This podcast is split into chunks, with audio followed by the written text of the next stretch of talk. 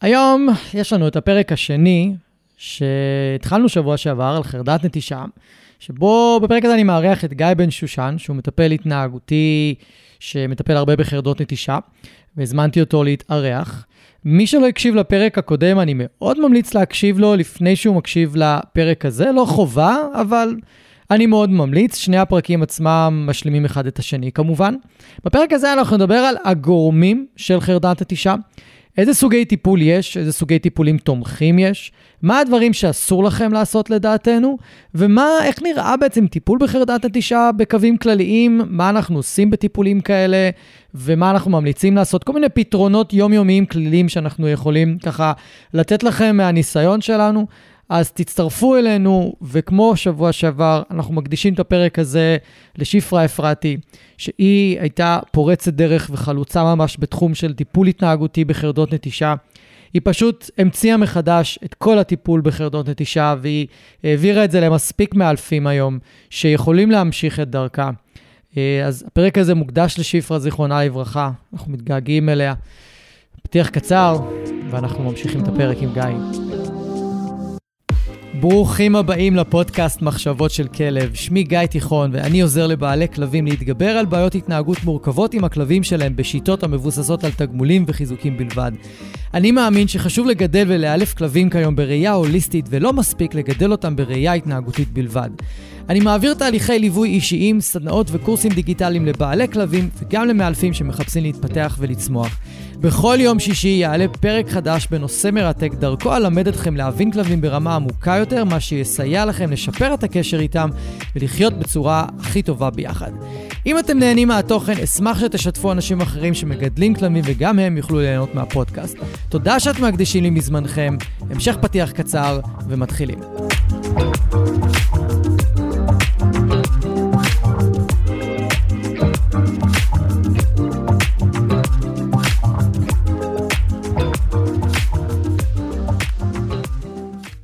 בוא, בוא ניכנס קצת לעומק של זה. אמ, אז קודם כל אין, אין אה, ספר אה, DSM של כלבים כמו אצל בני אדם, זה דיכאון אם אתה עושה צ'ק לכל הבוקסס. אה, בעצם מה שאנחנו יכולים להגיד שיש, אנחנו מסתכלים על התנהגות וגם על מה שהכלב, איך מנסה לתקשר או לא מנסה לתקשר וגם על זה אנחנו נדבר. ובעצם כשמישהו פונה ו- ואומר יש לכיף שלי חרדת נטישה אז אני שואל אה, אה, את הדבר הראשון איך אתה יודע? איך זה מתבטא? מה מה, מה מה בעצם קורה? איך אתה יודע? אתה אומר כן. כי הכלב נובח או שיש לך מצלמה בבית?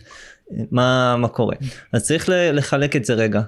קודם כל אה, צריך לראות אם הכלב באמת במצב של חרדה או שהוא כרגע נמצא במצב של תסכול קשה לו עם זה שאתם הולכים עכשיו יש יש גם סטטיסטיקות אם אנחנו שוב נכנסים לסטטיסטיקות. אה, האחוזים של כלבים בטח מאז הקורונה שכולם בבית ואז לכלבים התרגלו והיה להם מאוד קשה. האחוזים של כלבים שלא רוצים להישאר לבד בבית הם מאוד מאוד מאוד גבוהים. מאוד גבוהים. מאוד גבוהים יותר מחצי אגב. אבל זה לא אומר שהם נכנסים לחרדה כשאתם הולכים, mm-hmm. סביר להניח שקשה להם בכמה דקות הראשונות ומשחררים, בגלל זה אתם חוזרים הביתה ורואים את הכלב מתעורר כזה ככה. אה, כן. יפה, בטח אם אתם לא חוזרים אחרי המון המון המון שעות. עכשיו, כשאנחנו מדברים באמת על אה, קושי בהיפרדות וחרדת נטישה, צריך לסווג את זה לכמה, לכמה אה, אה, סוגים שונים. יש כלבים, וזה באמת לרוב בא עם מרכיב גנטי מאוד חזק, שאנחנו גם רואים את זה בהתנהגויות אחרות של הכלב, שהוא פשוט חרדתי באופן כללי. זה מתבטא בחוץ, זה מתבטא מול אנשים בבית, וזה מתבטא בחוסר יכולת שלו להכיל את הלבד שלו עם עצמו. Mm-hmm. זה, זה מושגים שהם קצת הכלב אני חושב הוא רואה את זה בצורה הרבה יותר פשטנית ואנחנו נותנים לזה את השמות המפוצצים אבל mm-hmm. ככה אני רואה את זה. ויש אה, כלבים ואני הנחתי לפחות שזה מה שקרה עם לקי אה, שפשוט או בגלל שלא תקשרנו איתם בצורה נעימה או שלא חשפנו אותם בצורה הדרגתית להישארות לבד כשהם היו גורים או מסיבות כאלו ואחרות. פשוט אה, אה, לימדו אה, לימדו את עצמם שאנחנו לימדנו אותם אה, משהו שנקרא מצוקת עזיבה קשה להם mm-hmm. עם האקט עצמו mm-hmm. של פשוט לשחרר אותנו שאנחנו יוצאים מהבית mm-hmm. ואם אנחנו לא עשינו את זה בצורה מסודרת ואם התעלמנו מהם כשיצאנו והם לא הצליחו או ברחנו להם ברחנו להם אגב יש את השיטה המוכרת של אה, לצאת כשהם ישנים אוי ואבוי אתה מכיר את זה? אוי ואבוי.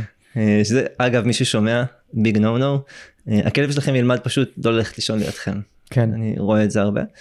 אה, אז אז מה שאנחנו מה שאנחנו רוצים אה, להסתכל שם זה בעצם האם הכלב יכול רגע אם אנחנו יכולים שנייה לתקשר איתו לפני ש, שאנחנו רוצים אז יש את החרדת נטישה שבעצם הכלב בחרדה ופאניקה אמיתית ויש את הכלבים שיותר קשה עם האקט עצמו של העזיבה ולרוב כשאנחנו פותרים את העניין הזה ונותנים לכלב לסמוך עלינו ואנחנו מלמדים אותו איך באמת נראית עזיבה ועושים את זה, את זה בצורה, בצורה הדרגתית לרוב אלו המקרים שיהיה גם קצת יותר אני כמובן כמובן בערבון מוגבל אבל לרוב אלה המקרים שקצת יותר קל אה, להגיע אליהם ולגעת אה, ולפתור את זה. Mm-hmm. בחרדת נטישה מה שאנחנו רואים זה קודם כל שהכלב בדרך כלל יהיה גם בחרדה באופן כללי ולא רק סביב יציאה מהבית אוקיי. דבר שני הרבה פעמים במיוחד אם נשים מצלמות אנחנו נראה גלי חרדה. אוקיי? Mm-hmm. Okay? זה אומר שהכלב אולי מתקשה ביציאה וגם אם טיפלנו בזה הוא מצליח להירגע הולך לישון ופתאום אחרי חצי שעה שעה מתעורר ומתחיל לעשות את הטורנדו בבית של ללכת לכל החדרים לנבוח להיעלל הולך לישון חוזר חלילה אחרי כן. שעתיים. אה, זה... או, או שהוא לועס את מה שהשארנו לו בחצי שעה הראשונה ואז מתחיל הבלאגן. זה במקרה הטוב של הכלבים בכלל יש כן. תיאבון כשיצאת מהבית. כן. אה, בהרבה מקרים לכלבים בכלל אין שום תיאבון אה, לגעת מה שהשארת להם ויותר מרגיע אותם ללכת ללעוס משהו שהוא פחות רצוי קיר. כמו קיר, משקופים, ספות. אז, אז אם אני שנייה רגע מזקק את מה שאתה אומר, עם חרדת נטישה אנחנו גם נראה את המצוקה של הכלב אחרי שעזבנו, וזה לא רק בעזיבה ובכמה דקות, חצי שעה לפעמים אפילו אחרי העזיבה. Mm-hmm. ואם זה רק שם אז הכלב פשוט ילך לישון ויקום כשאנחנו נחזור או לקראת שאנחנו חוזרים. אבל בחרדה אמיתית אנחנו, ובקושי אמיתי להישאר לבד, זה ממש נראה מצוקה, pacing בבית, הליכה הלוך חזור, נביחות, הרס, אה, חוסר שקט, לעלות על רהיטים אפילו, לעמוד כן. בכל מיני מקומות, להוריד דברים ממקומות גבוהים, ש... כאילו בלאגן. כלבים שעומדים מעל המקרר, כל מיני... אה, כן, להרוס תריסים, לנסות לצאת מהבית, כאילו זה באמת הסימנים המובהקים יותר כן, אגב, של חרדת נטישה. חלק מהמקרים, וזה מקרים שקצת קשה לעלות עליהם, שלפעמים הכלב לא, לא ינבח, לא, יל, לא יילל, לא יהרוס שום דבר, אה, והוא פשוט יעמוד שבע שעות מחוץ לדלת, מחוץ לדלת, כן. פשוט אפילו לא ישכב, פשוט ישב ככה ויחכה. כן. והכלב, הכלב בסטרס. כן. הכלב לא סתם עצוב ולא סתם קשה לו, כי אם הוא היה עצוב הוא היה מצליח כנראה לשחרר את זה. הכלב פשוט בסטרס, הוא לא מיילל, הוא לא עושה שום דבר, אבל הוא פשוט יושב ומחכה. כן. ואוקיי, אז עשינו כזה את ההפרדה קצת בין חרדת נטישה לבין אה, מצוקת אה, עזיבה או חרדת היפרדות, חרדת עזיבה, שזה כל מיני... המושג פחות משנה, כן. אלא יותר מה, מה קורה כן. בשטח. כן, והאם אפשר לצפות מראש על כלב שתהיה לו חרדת נטישה? אני חושב שהתשובה היא כן ולא. אה, כן, כי בדרך כלל יש סימנים מקדימים, שאנחנו יכולים לראות מגיל מוקדם, אה, אבל מעטים הכלבים שבאמת יראו חרדה אמיתית, חרדת נטישה אמיתית מגיל אה, מאוד מאוד צעיר. לרוב מה שנראה אצל גורים זה אה, חוסר יכולת להיות לבד ואם אנחנו ברוב הגדול מאוד של המקרים אם נעשה להם הרגלה נכונה והיפרדות אה, הדרגתית בהתחלה לזמנים מאוד מאוד קצובים וגם את הזמנים הקצובים האלה נצבע בצבע מאוד מאוד באור מאוד נעים mm-hmm. זאת אומרת הוא יקבל אה, חטיף אה, אה, דווקא כשאנחנו אה, דווקא כשאנחנו רוצים את החטיף הכי טעים בעולם הוא יקבל רק בדקה שאני לא נמצא בבית. Mm-hmm. אפילו אני אעשה את ההפך אני אפתח ציפייה להיעדרות שלי אוקיי? אני בעצם משנה את, ה, את הערך של ה... Mm-hmm. את הנוכחות מעולה. שלי. כן. אה, אז אם אנחנו עושים את זה, כל עוד לא היה איזה אירוע מכונן, כמו סופה מאוד מפחידה בזמן שלא הייתי בבית, או מעבר דירה שלא הגענו, לא היינו מוכנים לקראתו, או כל מיני טריגרים כאלה שהם מאוד מאוד נפוצים. הריון, אה, פרידה מבן זוג, אה, או שינויים אה, מאוד גדולים בסדר יום, כמו קורונה. קורונה הביאה איתה אגב המון המון מקרים של חרדות mm-hmm. נטישה. לרוב אנחנו נוכל לחזות את זה מראש, אבל כמו שאמרנו בהתחלה, למרכיב הגנטי יש אה, אה, מקום מאוד מאוד אה, גדול, ויש כלבים שפשוט, אה, גם אלה שיהיו חרדתיים באופן כללי וגם אלו שלא, פשוט יפתחו את זה בשלב כלשהו, וכל מה שהם היו צריכים זה רק איזה פוש קטן כזה, ללכת לכיוון הזה, אז זה יכול להיות גם אחד מהטריגרים האלו. כן, בעיניי העניין הזה של ריבוי סיטואציות, מקומות, דברים שהכלב חרד לגביהם, לא חושש בקטנה, כן, כן. חרד לגביהם, חרד שהוא ממש. מגיב בתגובה חרדתית, זה מה שנקרא, ה... יכול להיות הפוש הזה שידחוף אותו גם לא להיות מסוגל להישאר לבד. כן. וגם אז אנחנו נוכל לראות סימנים מקדימים לזה, אנחנו, אם אנחנו נשים מצלמה בבית, לא לדבר לכלב דרך המצלמה, בשום פנים. כן, אנחנו עוד לא שם ברמה הטכנולוגית, ו... ואנחנו נוכל לראות בווידאו כל מיני סימנים. נראה את האי נוחות, את האי שקט, כלב שמחליף הרבה פעמים תנוחות בבית, אנחנו נראה אותו אולי עומד באמת ליד הדלת המון, אנחנו נראה אי שקט, כאילו, זה כאילו הסימן הראשון הראשון, פשוט אי שקט, ומשם אולי זה יתפתח הקושי, כן, מעבר. הקושי אף פעם לא מגיע משום מקום, זאת אומרת, הכלב. לא נהיה, לא נהיה קשה לו ביום אחד. נכון, הוא תמיד יראה את זה, לפעמים מאוד קל לנו לפספס את זה. כן. זה, זה מזכיר לי, לא יודע, אני אספר את הסיפור הזה אה, אחר כך. אז אני מזכיר עוד פעם למי שמקשיב לנו, אה, יש פרק שלם על אה, סטרס כרוני ואיך סטרס כרוני נוצר ומה המנגנונים ואיך הוא פוגע בכלב, כי זה מאוד מאוד מאוד מתקשר לפרק הזה, כי סביב חרדת נטישה יש המון מתח נפשי, ואם אנחנו לא מכירים את המנגנון ולא יודעים גם איך אה, להפחית את הסטרס הנפשי של הכלב שלנו, זה יהיה לנו מאוד אה, קשה לטפל בזה. אז בואו נדבר על הגורמים של חרדת נטישה. כי יכולים להיות פה שלל גורמים. כן. ומה שבדרך כלל אנשים מכירים באמת זה מה שאמרנו, התייחסנו להם קצת למיתוסים, הפינוק יתר, ה... כלבים שעושים את עצמם כדי לא להישאר לבד. כן, אה, וכל מיני דברים כאלה. ובוא נגיד שפינוק יתר, אם הוא נעשה בצורה מסוימת, יכול להחריף, לגמרי יכול להחליט. יכול להחריף, כן, אבל צריך- הוא צריך לא להגיד יהיה, את זה. כן, הוא לא יהיה הגורם. ויכול להיות שיהיו עוד כל מיני דברים במערכת היחסים עם הכלב שיחריפו את זה, אוקיי? אבל הגורמים האמיתיים, האמיתיים האמיתיים, הראשון שהזכרנו אותו, ואפשר אולי טיפה קצת להרחיב אם יש על מה, זה באמת הגנטיקה של הכלב. כן. שיש איזושהי נטייה טבעית ש... שהכלב לא מצליח להישאר לבד. שנינו פגשנו אותם, זה כלבים שהמקרים, שהטיפול בהם הוא הכי מאתגר. באמת זה המקרים שיותר אה, ידרשו ממך להיות אה, מאוד יצירתי כן, בטיפול. כן, והיא מאוד יצירתי וגם, וגם להבין שזה מה יש. כן. זה הכלב שלי. כן. עם זה, עם זה אני הולך לחיות. ואת צריכה להחליט אם אני רוצה או לא רוצה. כן. לא רוצה, המשמעות היא למצוא לכלב מקום אחר. והאמת שלא מזמן היה לי, היה לי מקרה שהזוג נפרד עם כלב עם חרדת נטישה באמת, ונתנו להם את כל ההנחיות השגויות מבחינתי. להתעלם ממנו, וזה כלב שהוא נידי בתשומת לב ברמה באמת מהגבוהות שנתקלתי בהן. כלב מתוק מתוק.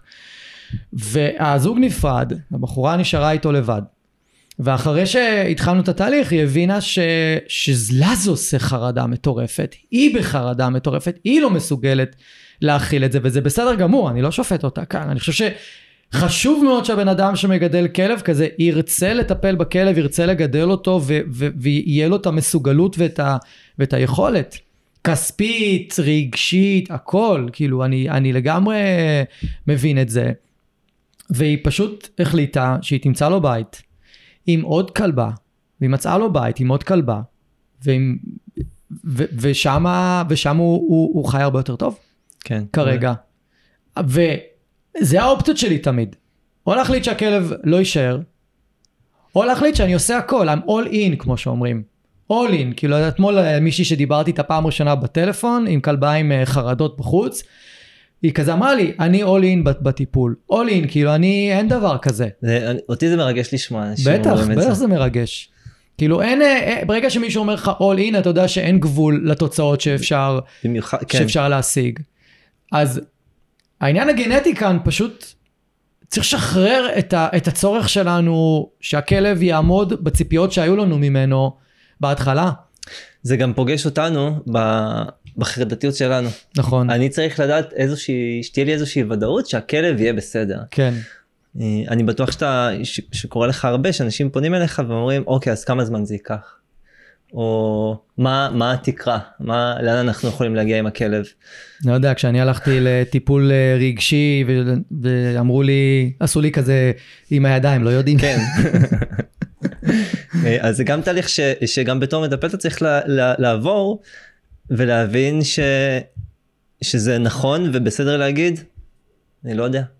זה אי אפשר לדעת כל כלב בפני עצמו, כל כלב עם ה... גם עם המטען הגנטי שהוא הגיע, גם עם היכולות שלכם, של כמה זמן תהיה לכם סבלנות, וזה בסדר שלא לכולם יש סבלנות לטפל בזה.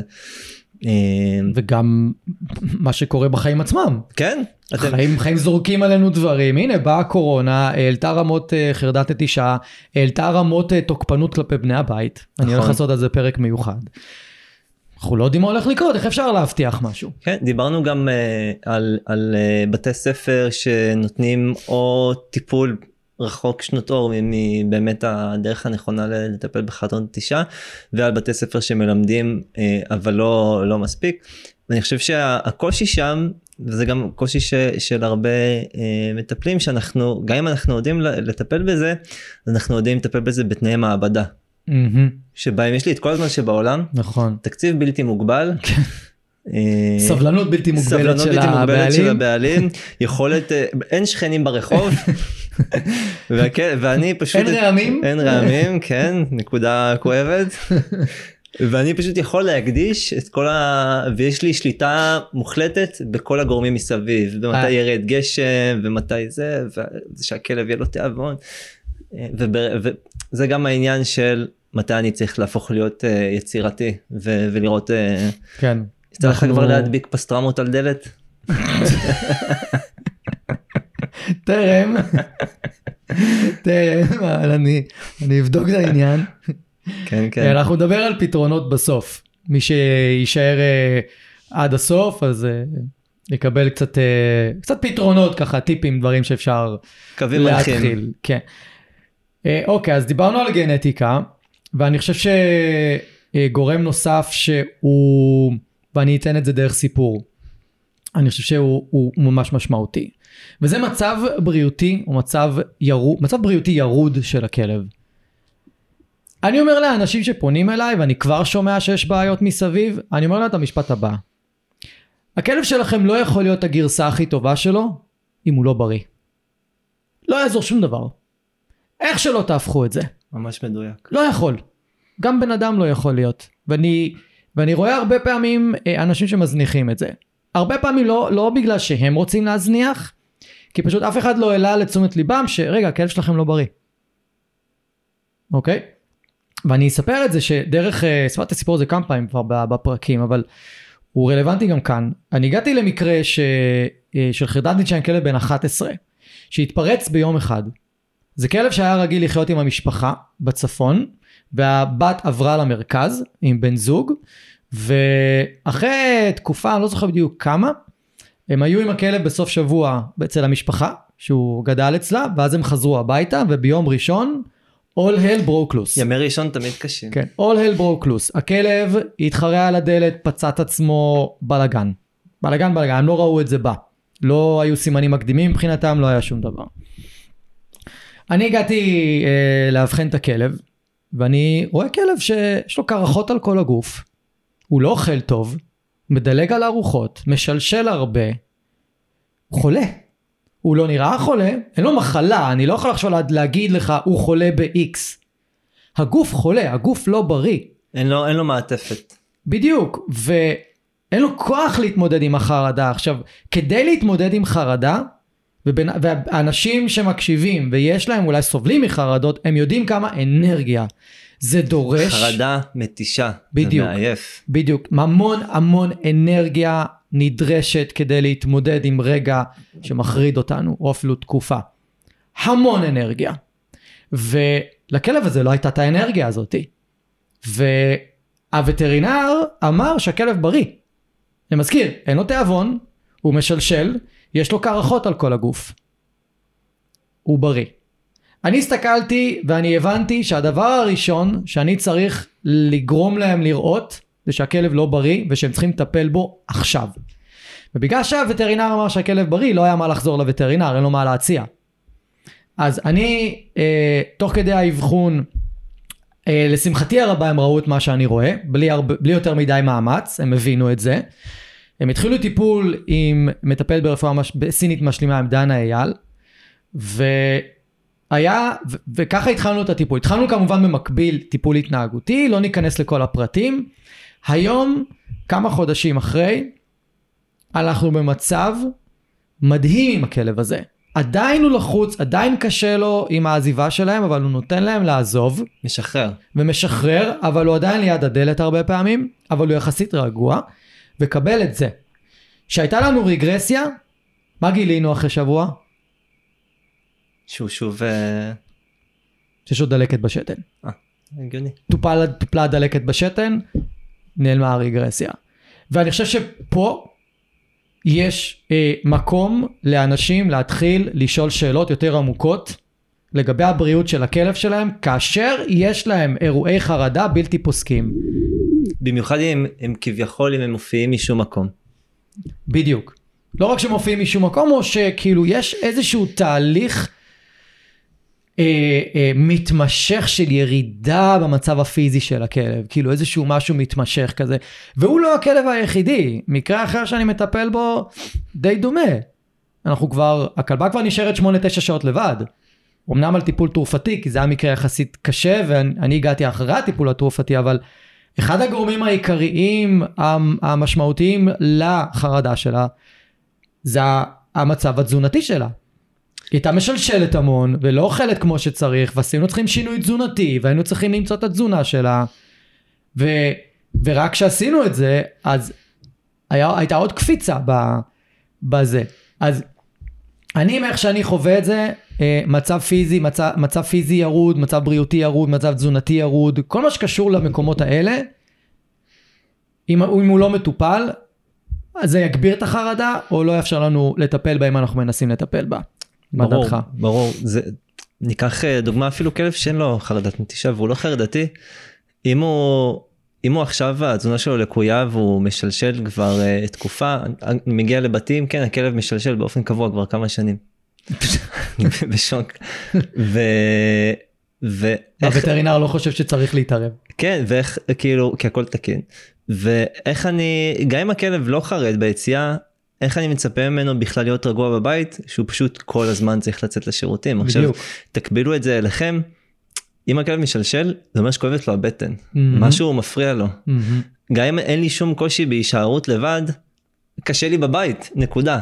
כן. תוסיפו על זה באופן כללי כלב שקשה לו להישאר לבד, ו, ואנחנו כבר, אנחנו מעמיסים עליו עוד ועוד ועוד ועוד. או כלבים, אה, זה בטוח משהו שהרבה אנשים שומעים, וגם בטח חלק מהמאזינים יוכלו להתחבר אליהם, הכלב שלי לא אוכל בבוקר. כן. אנחנו שומעים את זה הרבה. איך אני יכול לצפות מהכלב שיהיה לו את הבסיס הכי, הכי ממש ראשוני ל, ל, להיות חזק ומסוגל, כשהוא רעב כל היום. עכשיו, כן צריך לשים במאמר מוסגר, יש באמת כלבים שאוכלים פעם ביום, אה, אבל הרבה פעמים כלבים שלא אוכלים בבוקר זה פשוט מתוך לחץ. כן. אה, או מתוך חוסר תיאבון, שהחוסר תיאבון מגיע מלחץ. Mm-hmm. יודעים לקראת, אה, אני יודע שאחרי הטיול בוקר שמים לי אוכל ואז ישר הולכים, אני כבר עושה אחד ועוד אחד, אני יודע זה, אני מתחיל להילחץ, אין לי תיאבון, אני לא נוגע באוכל. Mm-hmm. לגמרי. מה, איזה עוד סימנים, איזה עוד גורמים לדעתך יכולים להיות? אז יש לנו קודם כל את העניין של כאבים פיזיים. אה, לגמרי. וזה מתקשר גם ל, לא רק לחרדות נטישה אלא גם לתוקפנות הרבה שאנחנו רואים. אה, כלבים לדוגמה עם בעיות אגן או כאבים באגן שתוקפים כלבים שמתקרבים אליהם לרחח אותם באזור הטוסיק mm-hmm. זה גם משהו שהוא מאוד נפוץ. אותו דבר עם כלבים שלא רוצים להישאר לבד בבית כואב להם. זה לרוב כלבים גם שכשהם יהיו לידכם בבית הם יחפשו או את הנחמה שלכם את המקום לידכם או שהם אה, יביעו כאב בצורה מסוימת. ומאוד קל לנו לשכוח, בגלל שהכלבים שלנו כאלה אה, יצורים אה, אה, אה, חכמים ש, שאנחנו פשוט שוכחים שהם לא יכולים להגיד באמת מה ואיך מפריע להם. אותו דבר עם כל מה שקשור לאינסוף אינפורמציה. אה, דיברנו לפני רגע על אה, רוני ואמרנו ש, שעכשיו כשהשמיעה שלה מדרדרת אז היא פחות יכולה לאסוף אינפורמציה. אז כלבים שיש להם שינוי פיזי של הם אה, שומעים פחות טוב, הם רואים פחות טוב, נכנסים יותר ללחץ, יותר מחפשים אתכם. אם אנחנו עוזבים פתאום והם לא יכולים לדעת מתי ומה ואין להם אותות מידע שזה משהו שבכלל צריך לדבר עליו בהרחבה תמיד תמיד תמיד יקשה על הכלבים אה, להישאר יותר רגועים אנחנו פשוט פחות מאפשרים להם ככל שיותר אה, אני תמיד מסתכל על זה במושגים של מתי אנחנו מצמצמים אותם מתי אנחנו מאפשרים להם אני עושה פה תנועות עם הידיים ככל שהכלב יהיה יותר בצמצום הטיולים שלו יותר קצרים אני פח, יותר ינסה לנהל אותו בטיול שלו יותר אני אגביל אותו למרחב מאוד קטן בבית ככה יהיה לו יותר, יותר קשה. כן, זה גם דברים שנחקרו במעבדות כל הש... כאילו, כל כך הרבה שנים. כן, כן. ما, מה מגביר סטרס אצל חיה? ובגלל שאנחנו שמים כלב בתוך בית של ארבע קירות ובאמת מגבילים אותו בהרבה מאוד דברים. ולא מכינים אותו מראש. בדיוק, אז אנחנו חייבים באמת לאפשר המון המון דברים מעבר. כמובן שלא תמיד זה יעזור לנו ויפתור לנו את הבעיה, אבל אנחנו חייבים באמת להיות במודעות הזאת. ואני חושב שהנושא של כאבים נסתרים, אה, לא נורא, לא שומעים את הטלפון. אבל אני חושב שהעניין של כאבים נסתרים הוא, הוא מאוד משמעותי, כי לשים לב על כאבים נסתרים, ועשינו פרק עם דוקטור יעל בלי אבידן, על כאב נסתר ועל זיהוי של כאב נסתר ב, אה, אצל כלבים, ואנחנו מבינים היום שכאב נסתר הוא משהו שגורם להרבה בעיות. ושוב, כאב נסתר, כלב, כלבים נוטים להסתיר כאבים. אתה ציינת את העניין של אה, שלשולים.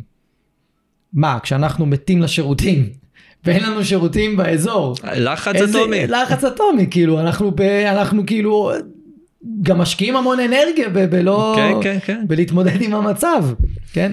עם המצב, צו. אז כאילו, אנחנו חייבים... אה, חייבים להתייחס לזה. צריך לזכור גם ש... וזה גם מוכח מחקרית mm-hmm. מעבר לכל ספק, שמערכת העיכול שלנו היא מראה מאוד טובה לנפש. כן. אוקיי? כשאני לחוץ זה יתבטא במה שקורה בפנים וההפך. כן. אז עוד גורמים שלדעתי הם אה, חשובים, הזכרנו אותם ב... לאורך הפרק, אחד מהם זה הטראומות. כן. שכלב יכול, אה, לרוני, רוני הייתה טראומטית כשהיא הגיעה לרעות, הבת זוג הקודם, אחת הבת זוג שהייתה איתי אז עם רוני, ולהשאיר אותה לבד בבית, זה גם היה כרוך בצרכים בבית, בצרחות, בבלגן, אבל לא הייתה לה חרדת נטישה, היא הייתה בטראומה מבני אדם, ואז לקחו והכניסו אותה לבית. לקח זמן עד שהיא אה, השתקמה מזה, אוקיי? והיא אה, השתקמה בצורה מדהימה, כן? אבל טראומות בהחלט יכולות להציף את המקום הזה. לקי לדעתי חוותה טראומה מלהישאר לבד. במיוחד שילוב, זה... במיוחד שילוב של כן. אה, כמה דברים. כמו כלב. שקצת קשה לו לבד ופתאום גם יש אה, סופת אה, רעמים נכון, וברקים. נכון. זה טריגר מאוד מאוד זה. נכון. כמו וזה גם מאוד נפוץ שנגיד יש זוג או משפחה ו... מה לעשות החיים קורים ולפעמים אה, נפרדים ואז הכלב גם חווה נטישה או היעלמות של אחד מה... uh, caregivers הכי mm-hmm. קרובים אליו וגם מעבר דירה. כן. שני, אלה שני טריגרים שגם אם תשים כל אחד מהם לבד יכול uh, לגרום לך לנטישה כשאתה שם אותם ביחד אז כן. אחד כמה וכמה. לגמרי. ואני חושב שהכי חשוב לדבר עליו זה סטרס נפשי כרוני. לא, לא יודע אם הכי חשוב, אבל הוא בין החשובים. זאת אומרת, אם הכלב שלי צובר סטרס נפשי לאורך כל היום, לאורך כל החיים שלו, הסבירות שחרדן שאת תוחמר או לא תטופל או תצוץ, הוא פשוט סבירות די, די גבוהה, כאילו, תלוי מאוד בכמה חרדה הוא נמצא, אבל מלכתחילה הוא לא כזה כלב יציב, אז יש סיכוי שזה, שזה יצוץ. סטרס משפיע על איכות החיים שלנו, mm-hmm. על כמה נחיה. Mm-hmm, על, על כמה אנחנו נוכל להתמודד עם המשברים ביום יום. ואם אגב זה זה זה משהו שגם אנחנו רואים הרבה כלב שעושים לו טיול ארוך מדי במיוחד אם הוא חי באזור אה, סואן והוא רואה בדרך ו- ואנשים עושים את זה מסיבות מאוד אה, נכונות הם רוצים לפרוק לו אנרגיה כדי שיוכל להישאר לבד אבל בטיול הוא הלך ופשוט אה, צבר המון המון סטרס מהתפרצויות ואז אנחנו משאירים אותו בבית.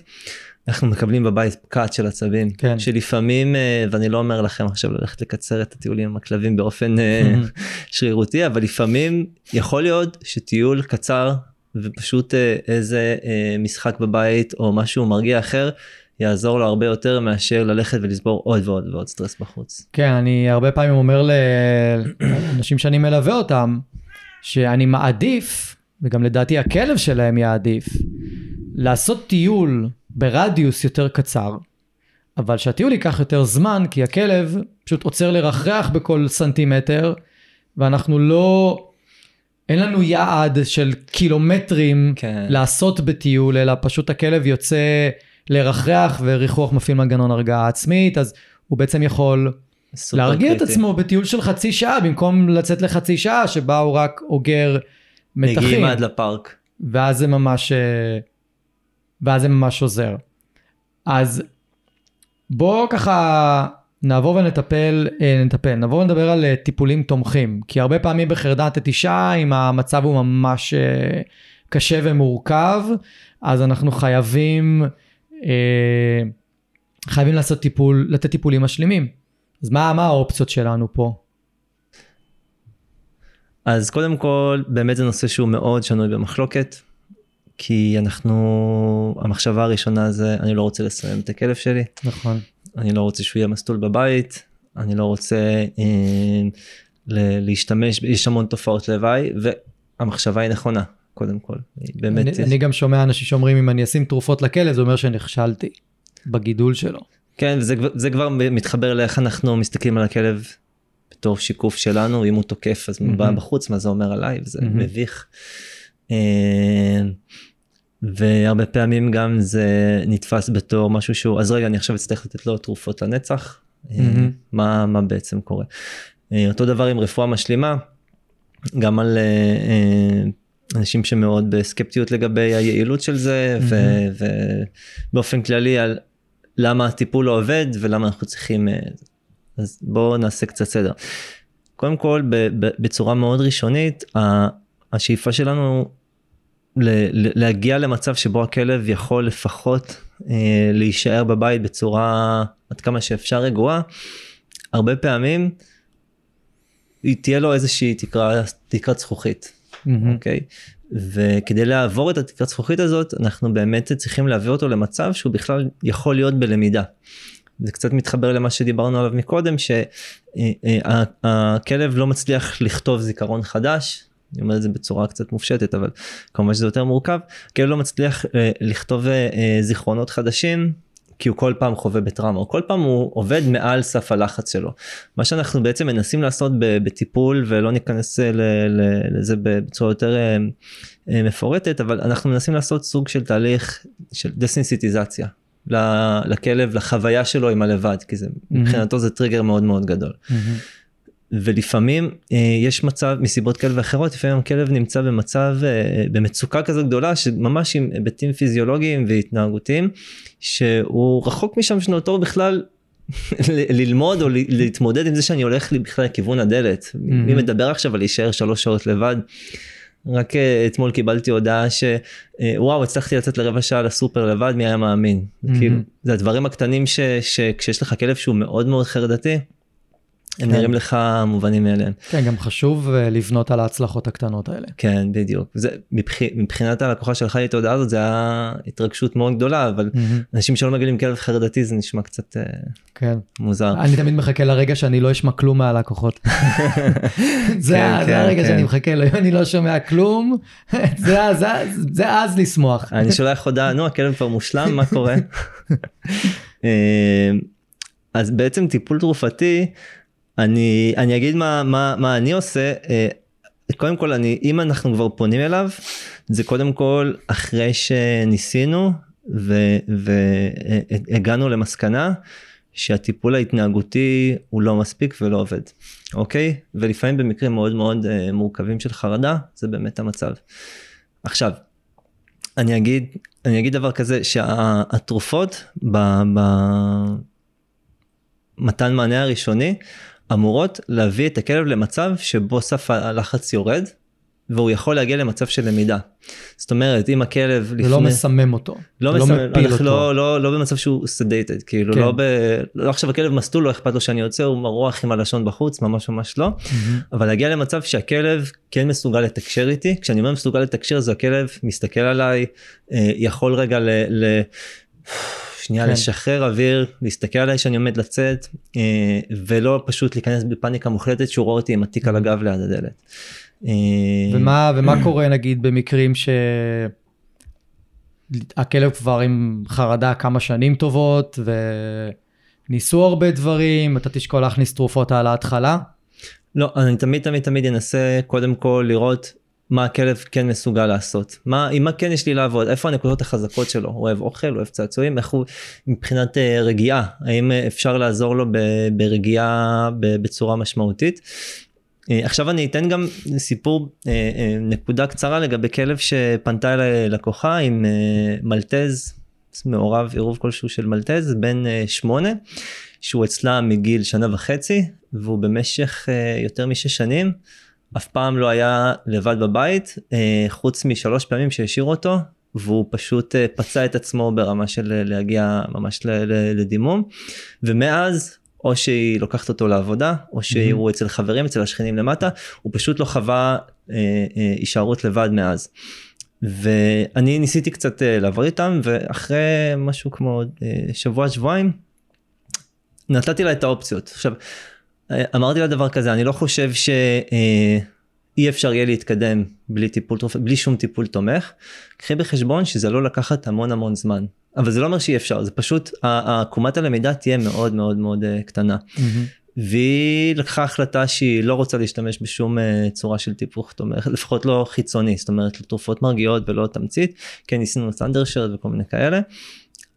אבל מה שכן היה לה זה המון המון סבלנות ויכולת להתמיד וממש בצעדים מאוד מאוד קטנים הצלחנו להגיע למצב שהיא יוצאת מהבית והכלב יכול רגע להישאר והיו mm-hmm. פעמים אפילו שהיו לו צעצוע חלה הוא היה הולך לדלת הוא היה אוכל קצת הולך לדלת עושה סיבוב בבית קצת מתנשף וחוזר mm-hmm. רגע לרגיעה mm-hmm. וזה זה, זה מבחינתה כאילו היא, היא הייתה ב, ב, ממש. אה, אה בהתרגשות כזו גדולה כי בנקודה שהתחלנו הוא היה כלב צל ממש אה, קלאסי מאוד מאוד חרדתי mm-hmm. צווח בכל אה, פעם שהוא רק מזהה אופציה של אה, מישהו שעומד לצאת. מעולה. אה, כן תמיד כיף לשמוע על, על מקרים כאלה מי שמסתכל במצלמה נוגה בא שלום נוגה נוגה בא לבקר ולהסתיר את כל, ה, את כל המצלמה. אה, מעולה אז יש לנו, ככה דיברנו על גורמים, טיפלנו, דיברנו על טיפולים תומכים, ואפשר להזכיר באמת שיש גם טיפול ברפואה סינית משלימה, והומאופתיה וכל מיני כאלה. שאגב, גם, גם, גם עוזרות. עוז, עוזרים, כן. ו, ולא צריך, אה, זה מאוד מאוד תלוי בכלב, זה מאוד תלוי גם בבעלים. כן. אז הייתי שמח ככה שנעבור זריז על דברים שלא כדאי לעשות. מחרדת נטישה. כן. אני חושב שאפשר לסכם במשפט ש... לקחת את הכלב, לסגור אותו בכלוב טיסה, בלי הרגלה, בלי הכנה, בלי כלום, ולשים עליו קולר אלקטרוני, זה מבחינתנו ביג נו נו. כאילו, כן. לא, ממש אנחנו לא, לא ממליצים בכלל. אני אוסיף עוד משהו, אה, קשירה. קשירה בתוך הבית. כן. במיוחד במיוחד קשירה עם כבל ארוך, שמצריך, יכול לגרום לכלב ממש... אה, אה, לעלות על איזה רהיט ולקפוץ מעבר להיט. קודם כל, בטיחותית ו... זה מסוכן. כן, לפני הכל. בטיחותית זה ממש מסוכן וגם לא חוקי. כן, לא חוקי, אנחנו חייבים לקשור את הכלב שאין שום דבר שהוא יכול לסכן אותו ב, במרחב שלו. אה, וגם קשירה בחצר, אותו, אותו דבר, כאילו, וגם קשירה קצרה, זה פשוט משהו שיכול לתסכל מאוד את, ה, את הכלב. מה עוד לדעתך, מבחינתך, לא כדאי לעשות?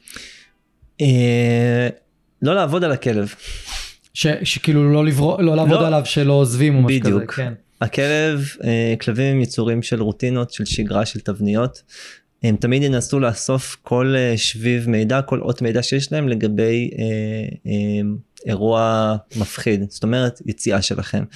וככל שאני אנסה לטשטש עקבות, אה, כשאני אומר לטשטש עקבות זה לקום לגעת במפתח ולחזור לשבת על הספה. Mm-hmm. ככל שאני מנסה לטשטש עקבות ואו נגיד לצאת כשהכלב ישן אה, בעצם אני גורם לכלב אולי היציאה עצמה בפעם הזאת תלך טיפה יותר חלק mm-hmm. וגם את זה אפשר להתווכח על זה אפשר להתווכח אה, אני גורם לכלב לסמוך עליי פחות ופחות. ואנחנו רוצים לתת לכלב באמת להתמודד עם הקושי בזמן שאנחנו שם, אוקיי? אה, עוד דברים שאנחנו לא רוצים לעשות זה אה, להגביל אותו מבחינת המרחב אז אני יודע כמובן כאילו לפני רגע דיברנו על כלוב ומה לא. אה, שימו לב שאם הכלבים שלכם עולים לספה או על המיטה בחדר השינה למרות שכביכול אסור להם לרוב זה כי הם מחפשים מקום להתנחם בו וזה גם משהו mm-hmm. שאני רואה באופן שיטתי. עכשיו זה בסדר אם אתם לא רוצים שתהיה פרווה על הספה קחו בחשבון, זו החלטה שתעשו עם עצמכם, קחו בחשבון שזה מאוד מרגיע את הכלב. כן. כלבים שעולים על הספה, שהולכים uh, ומנסים למצוא אותם במקומות uh, uh, שמנחמים אותם, מאוד מאוד עוזר להם. אז שוב, העניין של מרחב, לאפשר כמה שיותר. יש לי, יש לי כזה סיפור עם איזה משפחה שלכלב היה קשה להישאר לבד, היה, ולא הצלחנו להוציא אותו מהגדר שלו, ואיזה יום אחד הם שולחים לי הודעה, נשברנו, העלינו אותו על הספה. זה השבוע הכי טוב שלנו ever עם הכלב בחוץ, בטיולים, בלהישאר לבד, בהכל. הכלב רוצה שנייה מקום לידכם, או שהוא רוצה מקום ששנייה הוא יוכל ממש, אני ממש אומר לאנשים תעשו נשימות עם הכלב, שנייה ת, ת, תנו לו רגע להירגע, תאפשרו לו לידכם, כן. במקום אה, לבוא ולא ללכת איתו ראש בראש. כן, אני חושב שאני לא בטוח שהם הולכים איתו ראש בראש, אני כאילו, אני חושב שפשוט הם לא רוצים, כמו שאמרת פרווה על הספה. אבל אני חושב שמהצד של הכלב, אני חושב שמבחינתו הוא פשוט לא מבין, כאילו, מה הקטע שלכם עם הספה? מה הקטע שלכם עם המיטה? כאילו, אני רוצה לשבת שם, זה נוח לי. למה אתם מתעקשים?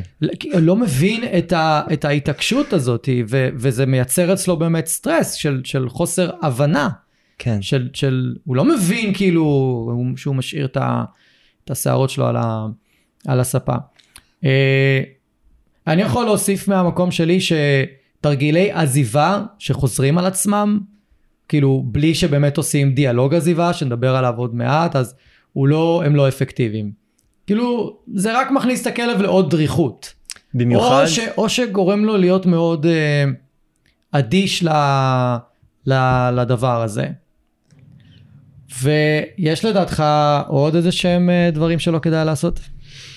אה, כן, קודם כל אם אתם מתמודדים עם הרס כשאתם חוזרים הביתה או עם צרכים, אה, לא לכעוס על הכלב, כלב עשה את זה או כדי להפחית מתח, אה, את הלעיסה, או שפשוט מחוסר שליטה פשוט השתין וחרבן בבית כי זה מה ש... זה, זה, זה משהו, זה המצב שהוא היה בו באותו רגע. Mm-hmm. מעבר לזה שגם, גם אם זה היה עוזר, כלבים לא יכולים לקשר בין שני הורים שלא קשור, לא קרו כן. אחד בסמוך לשני, ופשוט זה רק יגביר את הלחץ שלו. אותו דבר גם לגבי התעלמויות טוטאליות כשחוזרים אה, כן. הביתה, דיברנו על זה. כן. אוקיי, אז נראה לי אנחנו יכולים אה, לסכם את הפרק הזה בלדבר על פתרונות. Oh. יומיומיים, או לפחות לתת איזשהו... אה, מה שנקרא, איזושהי מסגרת כללית לאיך אנחנו, איך אנחנו אה, מטפלים. קצת אופטימיות. כן, ונתחיל אולי מלהגיד שאם יש לכלב שלכם חרדת נטישה וגם ריאקטיביות לכלבים, ואולי עוד איזושהי בעיה אחרת או כמה בעיות אחרות, שהוא צובר סטרס מהמקומות האלה, חובה לטפל גם במקומות האחרים.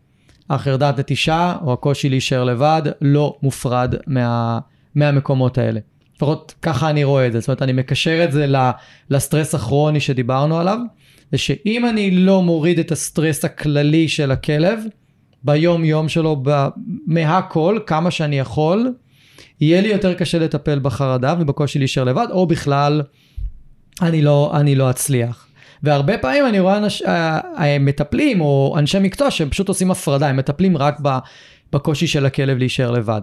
ואי אפשר, חייבים לטפל בכל גורמי הסטרס בחיים שלו, מתוך ראייה הוליסטית שהכל משפיע על הכל, שום דבר הוא לא מופרד. והרבה פעמים לדעתי גם אם, אם יש אה, איזושהי אני לא אגיד בעיה נפשית אצל הבן אדם, או, או, או אם הבן אדם חווה חרדה מלהשאיר את הכלב שלו לבד, הוא לא חייב שתהיה לבן אדם איזושהי בעיה נפשית או משהו כזה, פשוט הוא כבר חווה חרדה. אז צריך גם לטפל בחרדה של הבן אדם, ולעזור לבן אדם להרגיש יותר שלב ושלם ורגוע אם להשאיר את הכלב אה, לבד. אז מבחינתי כאילו, אם לא מטפלים בדברים האלה ביחד, אז, אז יש סיכוי שנקבל תוצאה לא טובה, או שלא נקבל תוצאה אה, בכלל. אז מה, איך אתה ניגש קודם כל לטפל ב, ב, בחרדה כזאת, בחרדת נטישה? אה, קודם כל צריך לעשות אבחון מאוד מעמיק, כמו כל טיפול אה, עם כל כלב. ואנחנו רוצים להסתכל על כמה דברים אה, ואם דיברנו על שיפרה אז זה משהו ש... שהיא הייתה חלוצה בתחום mm-hmm. ואני ממש לוקח את זה בעצם יש מין משולש כזה אצל הכלב שאנחנו צריכים לבחון אותו שקודם כל הכלב ביחס לבית. Mm-hmm. איפה איפה איך איך נראה כמה אוהב את המקום שלו שהוא אמור להישאר בו כמה הבית מרגיש לו מקום בטוח mm-hmm. האם באופן כללי בלי קשר לחרדה הוא אוהב את הבית או שאתם mm-hmm. רואים אותו כל היום מצונף באיזה פינה אחת.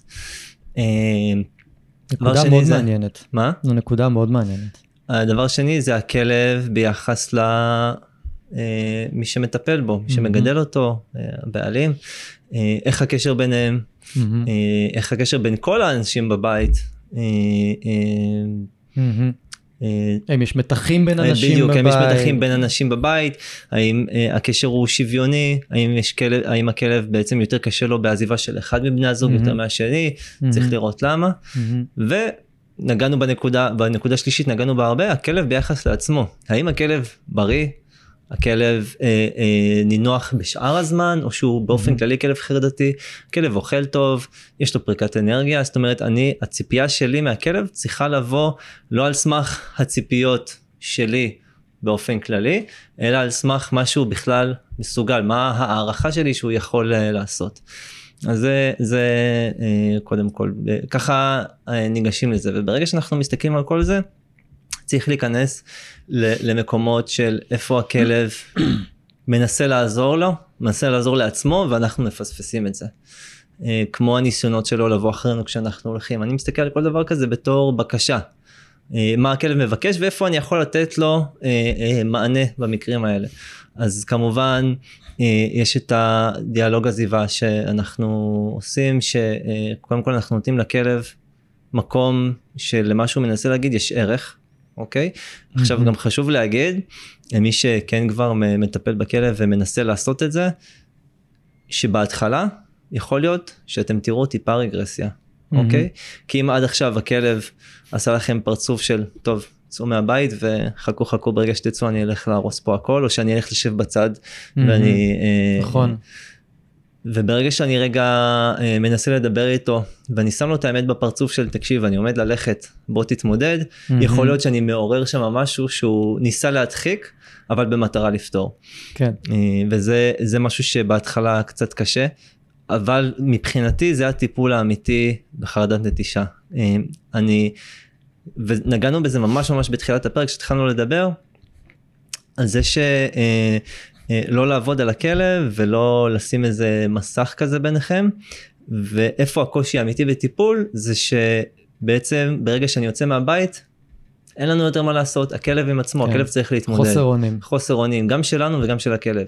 ובטיפול אה, אה, נכון או כזה שבא לתת מקום לכלב אני אומר לו אני שם לו את האמת בפרצוף אני אומר לו תקשיב הולך להיות לך קשה. אתה עכשיו mm-hmm. הולך להישאר לבד זה הולך להיות מפחיד בוא ננסה להתמודד עם זה כשאני עוד בבית לעזור לך mm-hmm. לפני שאני יוצא אם אתה הולך mm-hmm. לחרוד אה, בוא נעשה את זה כשאני פה ואני יכול להרגיע אותך ואחרי שתעבור את הפאזה הזאת כמובן בתקווה ובסיטואציות מסוימות רק אז אני אצא כשאתה כשאני נותן לך את האופציה לבחור ושם אתה תוכל אה, להתמודד עם זה יותר טוב.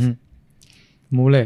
אה, אני חושב שאני אני עושה דברים שהם מאוד מאוד מאוד דומים בהסתכלות, בגישה, אני חושב שזה, לי מרגיש שזו הגישה הבריאה. כאילו ששמעתי את שיפרה מדברת על טיפול בחרדת נטישה, היא הצליחה אשכרה לקרב אותי לטפל, כי אני פשוט כן. לא הבנתי, לא הבנתי את הכלב במקום הזה. כאילו, מה, מה אתה חווה חרדה מזה שאתה נשאר לבד? כאילו, מה, מה נסגר? היה לי קשה כאילו לראות את זה שמה. עם זה שאני מטפל התנהגותי ומטפל בכלבים רגישים וזה, אני פשוט, פשוט כמטפל הבנתי שאני לא, לא מתאים לטפל בכלבים. באמת הרבה שנים בקושי טיפלתי, בקושי בקושי, רק מקרים די קלים. מה שהיה קשה, אמרתי, שומעים? הנה טלפון של אה, שפרה, לצערי שהיא לא איתנו היום, ודברו איתה, כאילו, לכו כן. אליה. ו... מעולה, אז עכשיו, אבל מה, מה קורה, זה, אוקיי, זה טוב ויפה שאנחנו באים עם האג'נדה ועם הגישה ההוליסטית הזאת שלנו, אני רוצה, וזה, כן, אני גם רוצה רק להוסיף. מה קורה ביום יום? אנחנו לא יכולים להשאיר את הכלב לבד, מה אנחנו עושים? אמ, אז אני עוד שנייה אוסיף נקודה ש, שחשוב לי שלא נדלג עליה. אמ, הרבה פעמים בניסיון לפתור אה, את הקושי, וזה גם שומעים הרבה אצל מאלפים אה, קלאסיים, מסורתיים, שכלב עייף הוא כלב שלא חרד. שזה שטויות שטויות ממש אה, ראיתי כלבים שפירקו להם את הצורה באנרגיה ומפרקים אחרי זה גם את הבית חזרה. יותר מזה לפעמים זה גם יגביר את הרמת מתח של הכלב אז mm-hmm. אה, אין, אין, כלב עייף זה לא כלב שלא חרד כלב אבל שפרק מספיק אנרגיה בצורה נכונה ולא העמסתי עליו יותר מדי זה כלב שכן יהיה לו קצת יותר קל לרוב יהיה לו קצת יותר קל, במיוחד אם עשינו מעברים נכונים בין מצבים, בין עוררות לרגיעה, יהיה לו יותר קל... אה, כן, אולי זה המקום להגיד, פריקת אנרגיה ופריקת מתחים זה לא אותו דבר. בדיוק. יהיה פרק, יש פרק ב... לא, לא יודע ב, ב, מתי הוא יהיה, כי זה, לא יודע איך אני אתזמן את הדברים, אבל סביר להניח שאו יש תכף, או היה כבר פרק על איך, מה ההבדל בין פריקת אנרגיה לפריקת מתחים, זה לא אותו דבר. זה לא אותם מנגנונים בגוף. אם אני רוצה שהכלב שלי יהיה מסוגל להישאר לבד, אני צריך לפרוק לו מתחים יותר מאשר לפרוק אנרגיה, ואז אם אני פורק אנרגיה, אמרתי ממש, אמרת משהו ממש נכון. זה חייב להיות ברמה שבאמת הכלב יכול להתמודד איתה.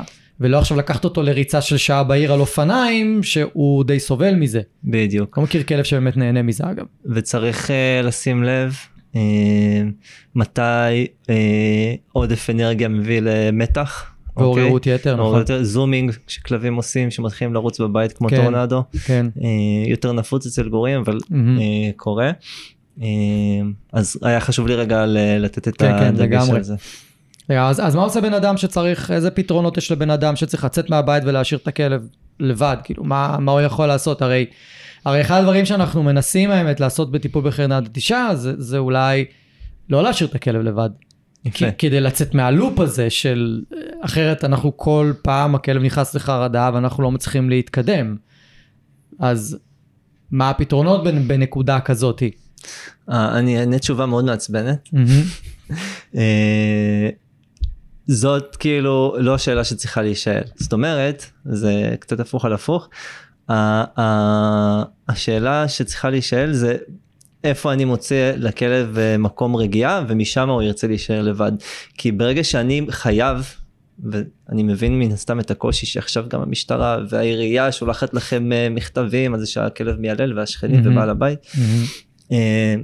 בסופו של דבר אנחנו נמצאים במצב של תסכול וגם הכלב בתסכול ומה שאנחנו צריכים להבין זה שאם אנחנו וכבר אמרנו את זה הרבה פעמים שאם הכלב יאפשר אז יהיה לו אם אנחנו נאפשר לכלב אז הוא יצליח.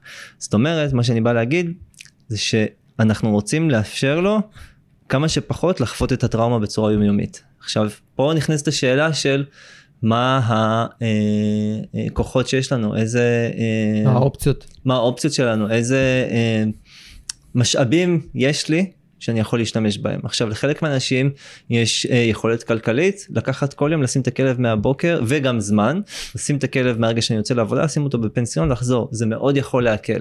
חלק מהאנשים ישימו את הכלב אצל השכנה. אה, אצל ההורים. אצל ההורים. ייקחו את הכלב לעבודה. Mm-hmm. בעצם אני יכול, פה גם אמר, אמרנו יצירתיות, כל מה שאני יכול לעשות כדי ל, ל, לעזור לכלב לא לחוות טראומה יומיומית. לשבור את מעגל החרדה היומיומי. בדיוק. כל מה שאני יכול לעשות כדי שהכלב לא יחווה טראומה בצורה יומיומית, יעזור לי.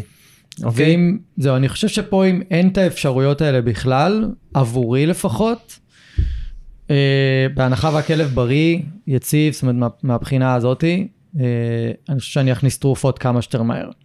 בהנחה ואין שום אופציה. זהו, זה, ואם אתם לא עובדים מהבית, ואם אתם לא... זה, הרבה פעמים באמת במקרים כאלו, וזה באמת נושא שלנו במחלוקת, שיכול להיות שהכלב גם בלי טיפול תרופתי היה עושה התקדמות, אבל כרגע אין לנו שום אופציה אחרת, לא לפנות לטיפול תרופתי זה או לרפואה משלימה או כל טיפול תומך אחר. זה פשוט אה, להקשות מאוד גם עליכם וגם על הכלב כי במצבים כן. כאלה הכלב חווה חרדה יומיומית עכשיו חשוב להגיד יש מקומות יש אה, אה, אה, מקרים מאוד ספציפיים שבהם כן אפשר לעשות התקדמות במצבים כאלה למרות שהכלב חווה את זה בצורה מאוד קשה. זה ידרוש אה, גם מהמטפל וגם ממי שמגדל את הכלב מיומנות והתמדה ברמה מאוד מאוד גבוהה. וגם אז לפעמים זה לא יהיה אפשרי ונצטרך לפנות לטיפול תרופתי. לגמרי, אז באמת הפתרונות היומיומיים אני, אני גם מרגיש שהם מאוד מאוד מקדמים תהליך ואין ספק שהם יכולים לעזור. עכשיו, אני רוצה שניכנס קצת לטיפול עצמו. כי הזכרנו כל מיני דברים שלא לעשות, גורמים ו- וכאלה, ו- וקצת הזכרנו, דיברנו איך אנחנו ניגשים לזה ברמה הכללית, אבל בתכלס ביום יום, אוקיי, הייתי רוצה שניתן איזשהו אה, תסריט כזה, קצת לתת, להכניס לאנשים לראש איך זה נראה, איזשהו תסריט כזה יומיומי, תגיד לי מה, מה אתה חושב, אוקיי? אני בדרך כלל אם אני יודע שעכשיו אה, צריך להכין את הכלב לעזיבה, אז כמובן ש... ונגיד נגיד זה יהיה עזיבה של הבוקר, אוקיי? הולכים לעבודה. אז אני ארצה שהטיול שלו בבוקר יהיה קודם כל טיול מספק. ומספק אצל כל כלב זה שונה. לא חייב להיות ארוך, לא חייב להיות בדיוק, רחוק. בדיוק, הדגש כאן הוא על מספק. ואם זה כלב שמאוד אוהב אה, את התשומת לב את ה, ואת ה... ביחד עם, ה, עם האנשים שלו, אז אני ארצה שהם ישימו על זה את הדגש בטיול. על זה יהיה הדגש, לא על פריקת אנרגיה. על מה שמספק את הכלב ועוזר לו להרגיש נעים בגוף. זה הדבר הכי חשוב. ואז זה נורא תלוי בטיפולים, אבל או שאני אבקש שהטיול יהיה סמוך ליציאה מהבית, או שהוא יהיה מוקדם על הבוקר, ואז יכול להיות שנוסיף עוד uh, טיול, כדי לקשר את, ה, את ההתכוננות ואת ההתארגנות של האנשים לסיבוב בכלל ולא לעזיבה. ופריקת. כן. מתח שהכלב צבר בזמן שהתארגנתם. בדיוק, זה אחד הדברים הכי חשובים שלמדתי, החדשים שלמדתי אה, לפני כמה שנים, זה שבזמן שאני מתארגן, הכלב שלי צובר את המתחים ואני חייב לדאוג שמה לפריקת מתחים עוד לפני שעשיתי איתו את הדיאלוג עזיבה או שעשיתי איתו עוד uh, טיול. וזה באמת היה, במיוחד עם גורים. כן. וכלבים שעדיין אין להם חרדן תדישה, פשוט קושי, זה יכול... ומתקשים בוויסות רגשי. בדיוק, זה ממש כאילו Game Changer רציני מאוד, ואז יש לנו את ה... בעצם את הרגע של העזיבה מהבית, ששם דיברנו, הזכרנו פה וזרקנו דיאלוג עזיבה. Mm-hmm. ודיאלוג עזיבה אומר שאני עוזב את הבית בהסכמה מלאה של הכלב. לא מתוך שליטה של הכלב בי, בסופו של דבר אני יכול לעשות מה שאני רוצה, אני יכול ללכת גם, כן. כלב לא שולט בי בשום צורה, אבל אני עוזב בהסכמה שלו מתוך הבנה מעמיקה שאם הוא משחרר אותי ללכת, הסבירות שהוא יוכל להישאר לבד ברוגע היא הרבה יותר גבוהה. כן. מאשר אם אני עושה מניפולציות כאלה ואחרות ולעזוב אותו. כן. ושיפרה היא זאתי שהמציאה או הביאה והגתה את הרעיון של הדיאלוג הזה, שגם עבורי הוא היה חדש לגמרי. כן, זה היה, מבחינתי זה היה mind blowing. כן, זה היה ממש פורץ, פורץ דרך. ו... ואז בעצם אנחנו עוקבים במצלמה לראות מה, מה קורה, לא מדברים עם הכלב, לא מנסים להרגיע אותו דרך המצלמה, לא אומרים לו להפסיק להרוס את הפח כן. או משהו כזה, ואנחנו פשוט עוקבים. ואחד הדברים שאני גם אה, אוהב לעשות זה פשוט לתרגל את הכלב בדיאלוג עזיבה בלי עזיבה. כן. שפשוט הכלב יבין בכלל מה, על מה מדובר וגם לתרגל לקש... רגיעה גם עם, עם uh, תקשורת נכונה. בדיוק.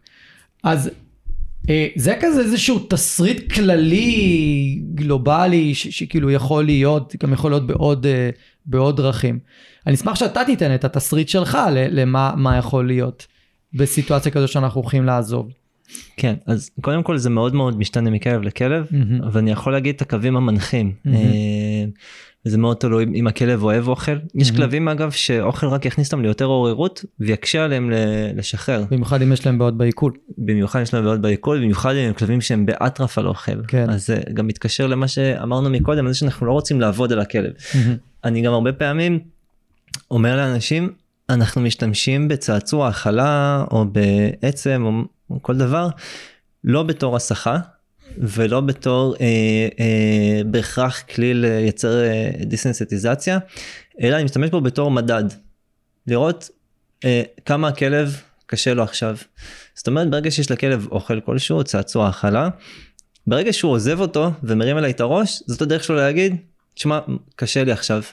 ואם הכלב כן מצליח להישאר עם האוכל, זה אומר שהוא סלמתק. עכשיו זה גם פה זה משתנה מכלב לכלב כי יש כלבים שיאכלו את האוכל ויסיימו והם יראו כביכול רגועים כלבים מאוד טובים לטשטש אה, אה, רגשות וקושי. אה, והם יסיימו ושם יתחיל כל ה... אני קורא לזה הטורנדו של החרדה. אז זה מאוד משתנה. מה שאנחנו רוצים לשים דגש מאוד גדול עליו זה אותות מידע. Mm-hmm. ואיפה הכלב אסף כבר אותות מידע שהם מורעלים mm-hmm. ואיפה אני יכול לתת לו חדשים. אוקיי? אה, מה זה אותות מידע מורעלים? לרוב זה אה, אנשים שבמיוחד במקרים שכבר הכלב סובל מזה המון המון זמן זה שאני אה, לכל וכל אחד שמקשיב יש לו כלב כזה כבר בטח יודע על מה אני מדבר כשאני מרים את המפתחות של האוטו כשאני שם את התיק אני מאוד אוהב סיפורים על כלבים שיודעים להבדיל בין תיק של עבודה לבין תיק של חדר כושר ואז הכלב יודע לכמה זמן אני הולך אה, אם שמתי את הכפכפים של ה... אה, שאני שם כשאני יוצא לטייל איתו או ששמתי את הנעליים של העבודה. ממש כלבים יודעים לאסוף אה, פריטי מידע שייתנו להם ודאות בצורה פנומנלית. כלבים גם מכלילים בצורה מאוד מאוד טובה. במיוחד החרדתיים. במיוחד החרדתיים, טסלה אני לא אובייקטיבי מצטיינת בזה פשוט. ואנחנו רוצים לתת להם כמה שיותר אותות מידע חדשים שיגידו להם בדיוק מה הולך לקרות mm-hmm. אוקיי הדרך שלי לעזור להם זה אה, לפעמים זה יישמע קצת מצחיק לתת להם עוד מידע שיגיד להם מה הולך לקרות גם אם מה שהולך לקרות זה משהו רע אבל הם לא צריכים לנחש כלב שמנחש לא טוב לנו. כן. כלב שעכשיו רואה אתכם מתארגנים והוא לא יודע אם אתם באים לקחת אותו לטיול או אם אתם יוצאים ומשאירים אותו לבד. או שאתם יוצאים ולוקחים אותו. או שאתם לוקחים בדיוק. זה כלב שרק בונה מתח mm-hmm. ומתח מאוד מקשה עליו להישאר לבד זאת אומרת לדוגמה וזה משהו שכל אחד יכול ליישם בקלות בבית אתם נגיד יושבים על הספה או אה, אה, קמים בבוקר כל אחד עם הסדר שלו ב, ב, ביום. אה, אם אתם אה, רוצים עכשיו לצאת מהבית ולקחת את הכלב, קחו בחשבון שמאוד יכול להיות שהכלב עד שאתם לא לוקחים את הרצועה שזה בדרך כלל מה שאנשים עושים שנייה לפני שהם יוצאים מהבית נכון הכלב לא יודע אם, אם אתם באים לקחת אותו שאתם יוצאים מהעבודה וכל הזמן הזה הוא צובר מתח זה יכול להיות חמש כן. דקות זה יכול להיות רבע שעה של התארגנות שהוא פשוט יושב וצובר מתח ואת המתח הזה הוא לוקח ונשאר איתו לבד כשאתם יוצאים מהבית. כן. אוקיי? זאת אומרת שאם אתם עכשיו על הספה ואתם רוצים לקחת אותו לטיול, אתם או שאתם אומרים לו טיול, ואז לוקחים שמים את הרצועה שהיא כנראה עוד מידע מאוד ברור, ברגע ששמתם לו את הרצועה אתם כבר תראו את הכלב, אוקיי, אני יודע עכשיו מה קורה, אני אחכה, בוא תעשה את כל מה שאתה צריך. במיוחד אם תהיו מאוד עקביים בזה אתם תראו שהכלב לא מנחש כלב שלא מנחש זה כלב שמצליח להישאר יותר רגוע. Mm-hmm. עכשיו לגבי האות מידע שהוא כבר מורעל אז אני יכול לקחת אה, אות מידע שאומר לכלב משהו רע שעומד לקרות והרבה פעמים כשאני יודע לתוך מה אני הולך גם אם זה שיט אני יכול להתמודד איתו בצורה יותר טובה כי אני יודע בדיוק מה קורה. Mm-hmm. דוגמה טובה לזה שכלבים אתה מדבר על יציאות אה, אה, של הבוקר שזה בערך אה, 9 to 5 כזה בדרך כלל mm-hmm. כל מי שעובד בהייטק עכשיו וצועק עליי שהוא בחיים לא חוזר בחמש הביתה. נכון. אמ, שבדרך כלל ביציאות בוקר הכלב סבבה הוא מצליח להישאר לבד פתאום יצאנו לעשר דקות בערב או לשעתיים בערב עם חברים הכלב איבד את זה. כן. אוקיי מה קרה פה יש לי יציאה שהיא שגרתית מאוד ואני יודע להתמודד איתה אני לא רגיל שהם נעלמים בערב בערב זה לא שגרתי בערב לפעמים לא יוצאים בכלל בערב כן. פתאום יוצאים ב-10 לפעמים ב-7 והכלב מאבד את זה אם mm-hmm. אני אתן לכלב אות מידע מאוד ברור של כמה זמן אני יוצא ואני אעשה את זה בצורה מאוד הדרגתית הוא יוכל אה, לאבד את זה כי הנה בבוקר הוא יכול להישאר 10 שעות ברצף אין בעיה. נכון וזה מאפיין כלבים שממש יש להם קושי עם, אה, עם יציאה משגרה. כן. כאילו, וזה קשה להם. אני חושב גם בשעות הערב יש יותר קושי לכלבים שבשעות הערב הם פשוט רגילים להיות מאוד פעילים. ואז אם אנחנו פשוט יוצאים מהבית, יכול להיות להם אקסטרה קשה להישאר לבד, כי זה, זה השעות שהם רגילים להיות פעילים. שעות אחרי צהריים ערב בדרך כלל קשות, בדיוק. במיוחד לגורים. כן, אז אה, צריך גם לקחת את זה אה, בחשבון. אמרת כאן הרבה דברים ממש, אה, ממש חשובים ומאוד מעניינים וגם מאוד uh, משמעותיים בעיניי למי שיש לו כלב עם, uh, עם חרדן. שהקטע של האותות מידע, יש גם על זה פרק ספציפית על אותות מידע, שאני מסביר בדיוק מה זה, תחזרו אחורה. ו... מאוד מאוד הם... קריטי עם כלבים חרדתיים, זה יכול נכון. להיות Game Changer בממש... נכון, לא רק חרדת נטישה, באופן כללי. ו... אני חושב שגם הדבר, אה, הדבר המאוד משמעותי, הזכרת את המשולש, אז המערכת יחסים בין הכלב לבעלים היא גם מאוד חשובה, אבל אנחנו לא מסתכלים על זה אם הכלב תלותי אל הבן אדם או לא. סביר להניח שהוא כן יהיה, כאילו זה פחות הפקטור כאן. אבל מה שחשוב זה להבין האם הכלב אה, יותר במערכת יחסים של אמון עם, ה, עם הבן אדם, ואם הכלב סומך על הבן אדם, ואם הכלב אוהב את הבן אדם, מראה כלפיו חיבה, או שכלב המון לבד, או עם עצמו, והוא לא כל כך... אה, אין הרבה קשר עם, ה, עם הבן אדם. וכאילו, אני חושב שהרבה אנשים במקום הזה, מה שיש להם בראש זה שהם לא רוצים יותר מדי לחזק את הקשר עם הכלב, כי לימדו אותם שזה יגרום לו להיות יותר תלותי כלפיהם. לא להתייחס אליו כשאתם בבית זה אחד אחד מהטיפים שאני שומע הכי הרבה שאנשים בדיוק, אומרים לי ו- ו- וזה עובד, וזה, וזה אמור לעבוד הפוך, כי אם הכלב חרד כשאנחנו לא נמצאים בבית, וזה אומר גם שהיא, כאילו, לפחות בתפיסה שלי, אצל הרבה כלבים, אם נמלא להם את המיכל של תשומת לב, יהיה להם יותר קל להישאר לבד. כן אני דווקא ארצה להתייחס אליהם הרבה בבית. אני כן אשים איזה שהם כללים מנחים לגבי מתי להתייחס. לא לחזק ואיך, אה, כן. בדיוק ואיך להתייחס ומתי להתייחס ו- ובאיזה צורה, ברור. אבל זה לא תהיה התעלמות. בדיוק ממש בקטנה אם הכלב שלכם אתם עכשיו יש לכם כלב שקשה לו להישאר לבד ובאופן מפתיע הלכתם אה, עברתם מהחדר עבודה לסלון והכלב לא בא אחריכם? לא לקרוא לו. כן, תנו לו להישאר לבד. לגמרי. זה שהוא נח בעצמו והוא לא לידכם זה כבר אה, אה, אה, חיזוק בפני עצמו. עכשיו זה כאילו מהטיפים של כן שווה רגע לתת זה מצד שני אם הוא בא אליכם לא להתעלם לא ללכת ממנו לא אה, הכלב בסופו של דבר אה, אתם העוגן שלו בבית אנחנו כן רוצים ללמד אותו שיש לו עוד עוגנים שהוא יכול לשאוף את הביטחון מעצמו ולהרגיע את עצמו לא רק שאתם תרגיעו אותו אבל מצד שני אנחנו גם לא רוצים אה, ל- ל- לדחוף אותו מאיתנו. כן. וגם אה, חשוב אולי להגיד פה שללמד את הכלב משמעת בסיסית שהבא ארצה אליי, להישאר וכל זה, לא יטפל בחרדת נטישה, זה לא קשור למערכת יחסים של דומיננטיות ושליטה והיררכיה, אין לזה שום קשר. אה, זה יכול לעזור לנו ללמד את הכלב סטי או יישאר, זה ללמד אותו שאנחנו נסתובב ברחבי הבית. והוא לומד לחוות איזושהי התרחקות שלנו, ראשונית, בטוחה. פרידה אבל- בצורה שהיא נעימה ולא. אה, טראומטית. יכול להיות שאני אקשור קונג בחדר אחר וירגיל את הכלב, או יראה לו שזה נעים להיות רחוק ממני, ונעים ללכת לאכול משהו בחדר אחר רחוק ממני, אבל אני לא אכריח אותו, אני לא אקשור אותו בחדר. יש לו אופציית בחירה, אני בסלון, ואם אתה בדיוק. רוצה, אתה יכול ללכת להיות נפרד ממני ושם יהיה לך נעים. אתה לא בדיוק. מוכרח להיות שם, אין שם שום דבר שסוגר אותך שם. בדיוק. אמ, ויש כל מיני דברים שאנחנו יכולים לעשות כדי להקל על הכלב, אבל בשורה התחתונה אני חושב שזה המקום אולי להבהיר ולהגיד שכדי לטפל בחרדת נטישה, אנחנו, אה, אה, אנשים צריכים ליווי.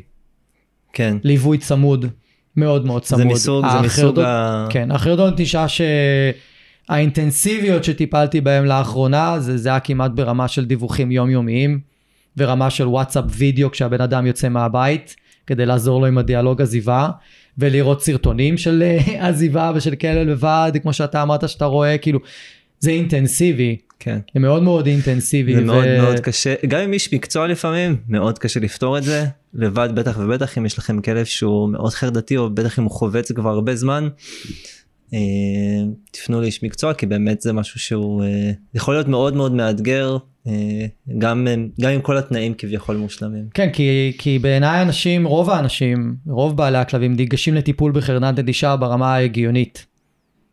אני אתרגל איתו עזיבות קצרות, אז הוא יתרגל. אני אעשה לו שגרה, אז הוא יתרגל. אני אוציא לו אנרגיה, אז יהיה לו יותר קל. כאילו, דברים שמנטרות כאלה שהכניסו. כן, אבל כשזה חרדת נטישה אמיתית, זה לא, זה לא ייפתר באמצעות היגיון. זה ייפתר או יטופל או יופחת רק דרך טיפול רגשי. כן. נטו טיפול רגשי, ו- וההיגיון ייכנס אחר כך, או, או שהוא בכלל לא יהיה רלוונטי. ואם אנחנו לא מקבלים ליווי שם, של איך אני פותר את זה ברמה הרגשית, ממטפל התנהגותי שיודע לעבוד על הרגש של הכלב, ויודע לייצר שינויים רגשיים, גם על זה יש פרק על שינוי רגשי, אז אפשר יהיה להתקדם. אני לא חושב שברמה הלוגית אנחנו יכולים לטפל בזה. כאילו, כי כלבים, כי כלבים, אה, הרציונל הולך לפח ברגע שהחרדה... אין רציונל אצל כלבים. אין, הוא לא קיים. אין להם קליפת מוח. קליפת המוח של כלבים 5% מקליפת המוח שלנו. אין היגיון, אין רציונל, אין מוסר, אין שפה, יש רגש. אין, אין אתיקה. אין אתיקה, יש רגש. זהו, זה, זה, זה, זה מה שיש שם. ואם אנחנו לא יודעים לפנות לזה, ולדבר לזה, ולטפל בזה, ולהתכוונן לזה, אז ה- היכולת שלנו לעזור היא מאוד מאוד נמוכה. ואגב, אם זה כלבים שכן שמו אותם בכלוב, והם נהיו שקטים ורגועים, אז לא הייתה להם חרדת נטישה.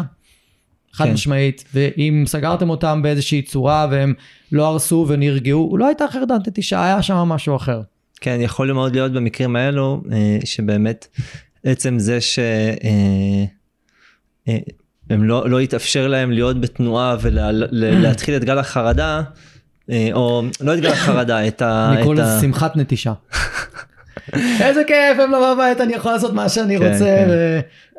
אז אה. כמו. שאמרנו, הכלוב הוא לא בהכרח אה, פסול, או התיחום הוא לא פסול בצורה מוחלטת, זה מאוד תלוי מה אנחנו עושים איתו, ואיך אנחנו Mhm. מציגים אותו לכלב, ואיך הכלב תופס אותו. כן. מעולה. אה, יש לך עוד איזה שהם, לסיום, דברים שאתה רוצה להוסיף? אולי איזה מסר? אה, כל דבר. לקראת סיום. אה, מסר אופטימי. קודם כל אם אתם מתמודדים עם זה אז אה, לא להתייאש זה אחד מהדברים הכי הכי אה, חשובים כי אה, וגם אם אתם עכשיו בטיפול והולך ממש ממש טוב צפו לרגרסיה כי זה קורה זה תמיד קורה. אה, מה המסר האופטימי פה? שאחרי רגרסיה מגיעה עוד התקדמות במיוחד אם אתם אה, מתמידים ואני חושב שזהו סך הכל. המון המון המון סבלנות אה, חמלה כלפי הכלב וכלפי עצמכם. לטפל בכלב בחרדת אישה זה מאוד מאוד קשה ואני אומר את זה בתור מי שמגדל אה, כלבה בבית אה, כזאת כלבה חרדתית באופן כללי ותמיד יש מקום לשיפור פשוט באמת צריך המון המון סבלנות והדרכה נכונה. מעולה. אני חושב שאנחנו נסיים במסר הזה. אה, נהניתי מאוד מהפרק הזה. גם אני תודה היה פרק, זה יצא שני פרקים. אבל אה, נהניתי מאוד. לא, לא, לא חשבתי שיהיה כזה ארוך, אבל מדהים. תודה על ההזדמנות ש- אני ממש שמחתי להגיע. אני חושב שהרבה אנשים ירוויחו מה... מהמידע שיש ב- בפרקים האלה. אז אה, תודה רבה, ואנחנו נתראה בפרק הבא. להתראות. ביי ביי.